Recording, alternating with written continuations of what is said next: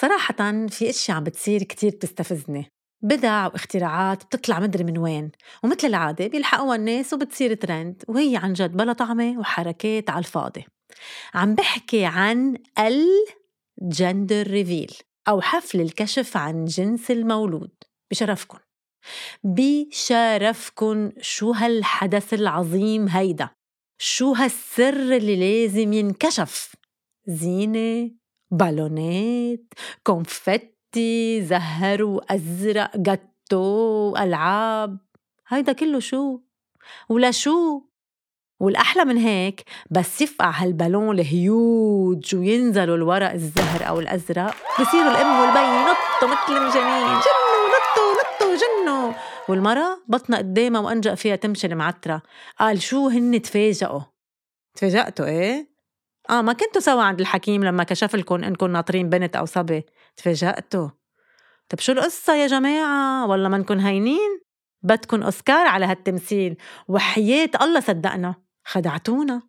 بعدين بدها كل هالديكوريشن والعائلة كلها والأصحاب ناطرين يطلع الدخان الأزرق أو الزهر والصور والفيديو على ال social media واللذة بفرجونا إنهم يا ويلي شو مبسوطين.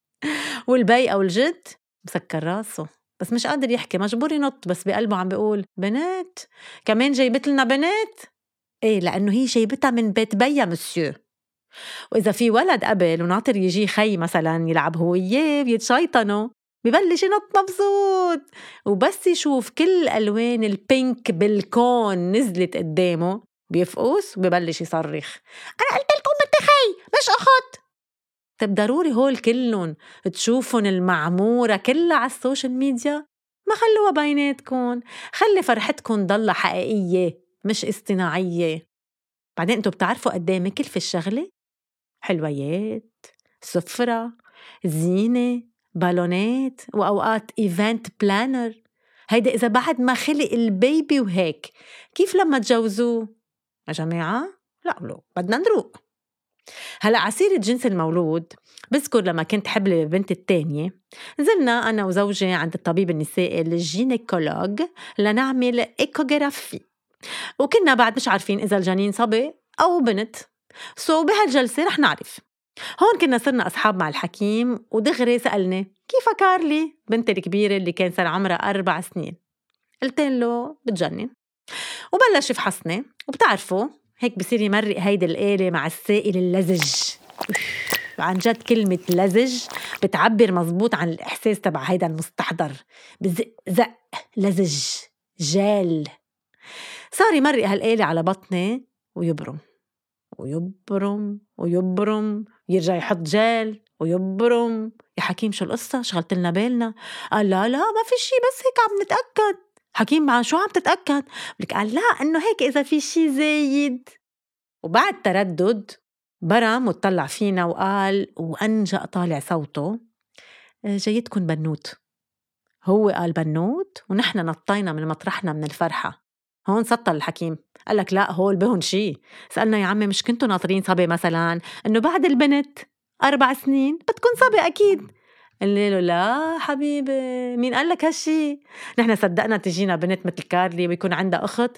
بعدين شو هيدا صبي ما صبي؟ ما عنا منهم هول الحركات وجوزي ما عنده خيات ومش مصدق يكون عنده بنات. هون الحكيم المعتر تنفس وقال طب ما كنتوا قلتوا لي هيك من الأول صار لي ساعة بفكر كيف بدي أخبركم تفضلوا عقليتنا الشرقية شو عملت بالحكيم؟ هلا نحن ما كان عندنا مشكلة بهالموضوع بس الله يساعده شو بيتحمل عقلية ذكورية ومرة عم بتصلي وتطلب على القليلة يكون أول ولد صبي. تيكمل نسل العيلة ولا بوقت في بنت بتخلق بتكون قد مية شاب وشاب بحنيته بيغني أمه إنه يكون عندها بنت حدا آخ آخ. تنكفي بالاحتفالات.